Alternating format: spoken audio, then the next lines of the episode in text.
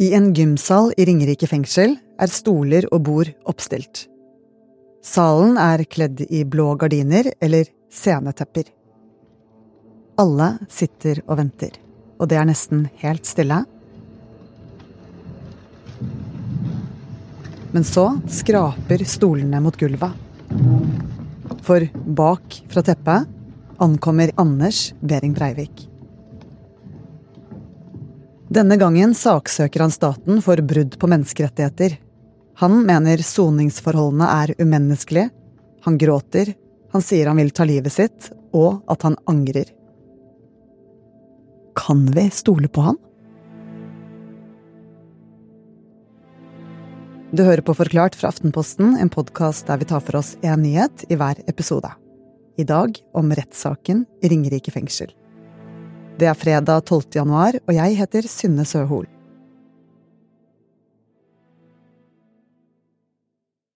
Jeg har jo fulgt eh, Breivik eh, alle dagene han har vært ute i offentligheten, da, og det er jo bare i retten. Eh, og det er jo spesielt hver gang å være i samme rom som Breivik. Samtidig så føler jeg at det er annerledes nå enn det var i starten. Andreas Bakkefoss er journalist i Aftenposten og har vært til stede under rettssaken med Breivik, som av sikkerhetshensyn holdes i en gymsal i Ringerike fengsel.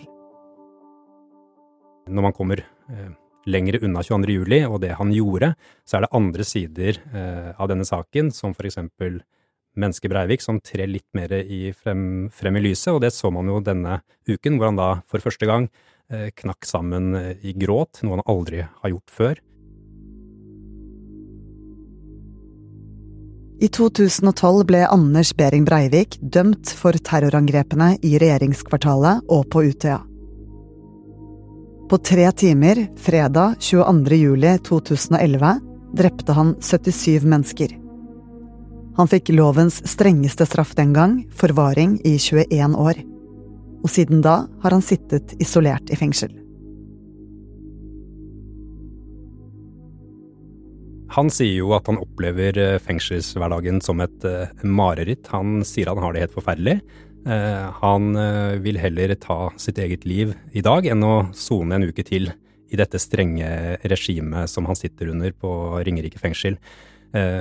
Og det er ingen tvil om at eh, den hverdagen han har hatt nå i tolv og et halvt år, isolert eh, innerst en gang bak flere gitter, har, har på, påvirket han. Det så vi på tirsdag, hvor han for første gang gikk skal vi si, litt ut av karakter, var et uttrykk som ble, ble brukt. Han begynte rett og slett å gråte, han knakk sammen. Breivik sier jo selv at han har blitt suicidal.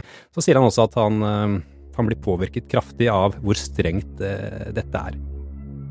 Breivik mener den lange isolasjonen er ulovlig at dette bryter med menneskerettighetene, som sier at ingen må bli utsatt for tortur eller umenneskelig eller nedverdigende behandling eller straff. Denne gangen så handler det egentlig utelukkende om eh, at Breivik ønsker mer kontakt med andre mennesker, altså meningsfullte relasjoner. Han har jo masse kontakt i dag med eh, fengselsbetjenter, eh, og de gjør jo masse aktiviteter med han, men han sier at det er ikke det samme som å ha kontakt med si, andre innsatte eller eh, andre eh, ikke-profesjonelle aktører.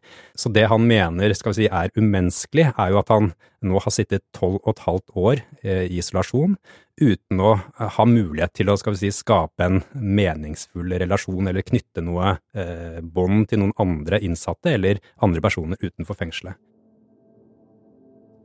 Én ting Breivik har ønsket seg, utenom mer sosialisering med mennesker, er kontakt med dyr, og dette har han søkt om. Han ønsket seg en geit eller en minigris, og det fikk han jo ikke lov til. Eh, men til slutt så ble det en slags enighet om at han iallfall kunne ha tre undulater på cella. Så han, eh, det er jo dyr eh, som er der nå, og som til en viss grad han kan sosialisere med. Hva sier Anders Behring Breivik om 22. juli i dag, da? I retten denne uken så har han jo kalt disse angrepene for grufulle handlinger som han er lei seg for, eh, og han sier eh, at han angrer. Så blir det jo et spørsmål da hvor troverdig han er, om man skal tro eh, på det han står og sier. For samtidig som Anders Behring Breivik gråter og fremstår som en angrende mann, så er det handlinger som viser det motsatte. Hver 21. juli går han i fengselsbutikken og kjøper smågodt. For å markere 22. juli.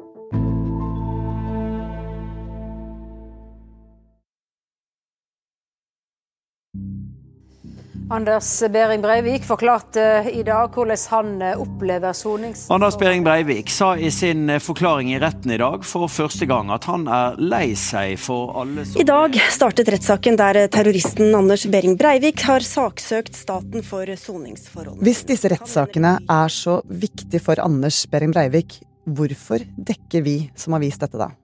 Det er jo et dilemma uh, i hvilken grad og hvordan vi skal dekke en sånn type sak. Uh, samtidig så tenker jeg at det er helt avgjørende og, og riktig å skrive om og omtale uh, de gangene Breivik er i offentligheten. For han er jo norgeshistoriens, i hvert fall i moderne tid, verste terrorist. Han har begått en helt grufull handling som vil påvirke, og har påvirket Norge, og vil påvirke Norge i mange, mange år fremover. Det er selvsagt viktig å få et innblikk i hvordan han har det. Samtidig er det viktig å skrive om dette også for å følge med på det rettsstaten Norge gjør, for uh, uansett hva Breivik har gjort og hvor grufullt det er, så er har også han rettigheter uh, i fengselet uh, som han bør fra tid til annen følge med på om blir holdt. Når det gjelder soningsforholdene, så mener staten at det ikke er i nærheten av å bryte menneskerettighetene. Han får masse tilbud, mener staten, om eh, bordtennis, eh, basketball, eh, lufting, kortspill. Og det har også vært flere tilfeller hvor da andre innsatte, som er forhåndssjekket, da er med Breivik på kjøkkenet i hans celle og lager vafler. Breivik har blitt veldig glad i å bake, så han bruker mye tid på å bake. Så de føler jo at de gjør masse for at han skal ha, skal ha det bra. Og selv så Eh, blir han med på noe av dette, men det er også mye han takker nei til, for han bruker mye tid på å eh, studere. I tillegg har han jo også hatt en uh, besøksvenn tidligere som har kommet og snakket med han. Han har fått snakke med prest, psykiater og psykologer, um, og det, han har også fått tilbud om og godtatt uh, en skal vi si, profesjonell besøksvenn som kommer til cellen, som også har hund. Og da har jo hundeeieren eh, fått snakke med han og tatt med hunden inn i luftegården, sånn at de kan ha sosialisering både med hunden og med hundeeieren, og de har kunnet snakke om eh, alt eh, mulig. Likevel bryter Breivik sammen i retten og mener at staten bryter menneskerettighetene. Og når han gråter og sier at han angrer, så mener staten at det er ren løgn. Statens advokat eh, Andreas Hjertland kaller eh, terroristen en løgner. Eh, en som er en ekspert på vi si, fordekke sannheten. Og han advarte dommeren mot å tro på det Breivik skulle si i sin forklaring. Hvorfor det? De mener at han har vist gang på gang at eh, han eh, er en ekspert på å holde ting skjult. Eh, han snur kappen etter vinden, han fordekker sannheten. Han er flink til å skal vi si, tilpasse seg forklaringer ut fra hva som er, er lurt for han, og hva som tjener han. Så de mener rett og slett at han ikke er suicidal, som Breivik selv hevder. De ser på han som en like farlig mann nå som i 21. juli 2011, altså dagen før angrepet. Hvordan vet de at han fortsatt har de tankene om 22. juli? Nei, det er jo sånn at de som er sammen med Breivik hver dag, de som jobber i fengselet, de skriver eh, det man kaller journaler hver eneste dag om eh, ting han har gjort, ting han har sagt, hvilke tilbud han har godtatt. Og i disse journalene som har vært lagt frem i retten, så kommer det fram veldig mye av hva de har snakket om og hva Breivik er opptatt av. Og uh, han kan for eksempel si sånne ting som at det var nødvendig å gjøre det han gjorde uh, 22. juli. I en av eh, disse journalene som ble lagt frem i retten, eh, som var fra dagen før 22. juli, så kom det for eksempel fram at uh, han hadde kjøpt smågodt på butikken inne i fengselet. De har jo en butikk som de kan handle fra, og det pleide han å gjøre før 22. juli hvert år.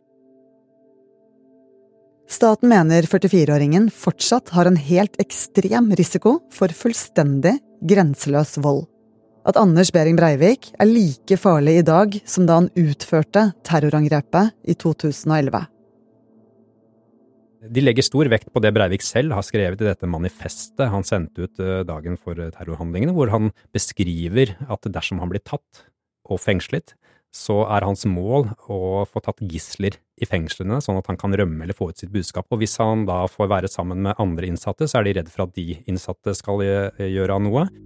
Og hvorfor det? Det kan være mange innsatte som ønsker å gjøre noe mot han, eh, kanskje ta livet hans. Det har jo skjedd i samme fengselet før at eh, innsatte har blitt drept. Eh, for det andre så er det viktig å verne de andre innsatte og de som jobber i fengselet, mot Breivik. Og for det tredje så er det jo en veldig viktig oppgave å beskytte samfunnet for ny kriminalitet. Selv om han sitter i fengselet, så mener altså staten at Breivik ved å kunne kommunisere med andre, eh, kan oppfordre til voldelige handlinger. Han har jo, og det vet vi jo, vært en inspirator for flere terrorangrep etter 22.07. rundt omkring i verden, som har drept masse mennesker, så de mener at eh, selv et lite livstegn, som eh, PST skrev fra Breivik, kan inspirere andre til å begå voldelige handlinger. Og derfor så blir det vanskelig at han skal ha kontakt med andre, fordi han kan påvirke så lett.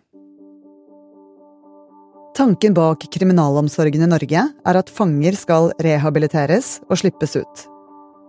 Breivik ble dømt til 21 års forvaring. Det betyr at han kan sitte livet ut, og at det er staten som bestemmer om eller når han slipper ut. Og for at det skal kunne skje, så må Behring Breivik endre seg mye. Breivik selv eh, har nok innsett at han aldri vil slippe ut av fengselet, og det er ikke realistisk å tenke seg.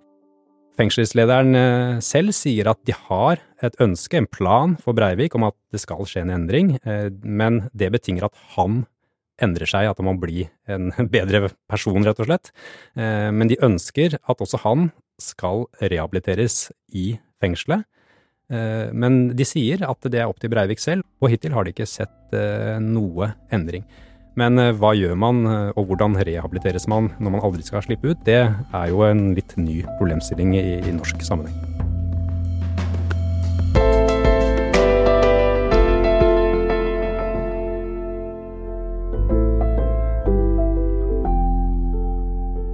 Du har hørt en podkast fra Aftenposten. Det var journalist Andreas Bakkefoss som forklarte deg hva rettssaken i Ringerike fengsel handler om. Denne episoden er laget av produsent Olav Eggesvik og meg, Synne Søhol. Og resten av Forklart er David Vekoni, Philip A. Johannesborg, Fride Nesten Onstad og Anders Weberg. Du har hørt lyd fra Andreas Bokkefoss sine egne opptak, TV 2 og NRK. Da har vi nettopp spilt inn en ny utgave av Aftenpodden som ligger ute hos eh, Podme og i Aftenposten-app appen. Eh, vi har vi startet eh, nært denne uka. Ja, vi snakket om deg, Lars, og din barnehage og din, eh, din beslutning om å sende ungene i barnehagen i jula. Så ble oppslag i VG og egentlig en stor debatt, så vi tok debatten. En folkesnakkis der yes. du tok uh, liksom the moral high ground. Ja, jeg sendte ikke mine barn i barnehagen, for å si det sånn. Vi er Aftenpodden. Lars Glomnes. Trine Eilertsen. Kjetil Bragli Alstheim. Sara Sørheim. Og hver uke så tar vi for oss det siste, eller i hvert fall det mest spennende i norsk politikk og samfunnsdebatt. Ja, altså, Vi har holdt på faktisk siden 2015 vi, å henge oss opp i ting i norsk politikk som ikke Det er ikke alltid det er det viktigste, men det er det som pirrer oss mest. Og du kan høre oss hver uke hos Podmy eller i Aftenposten-appen.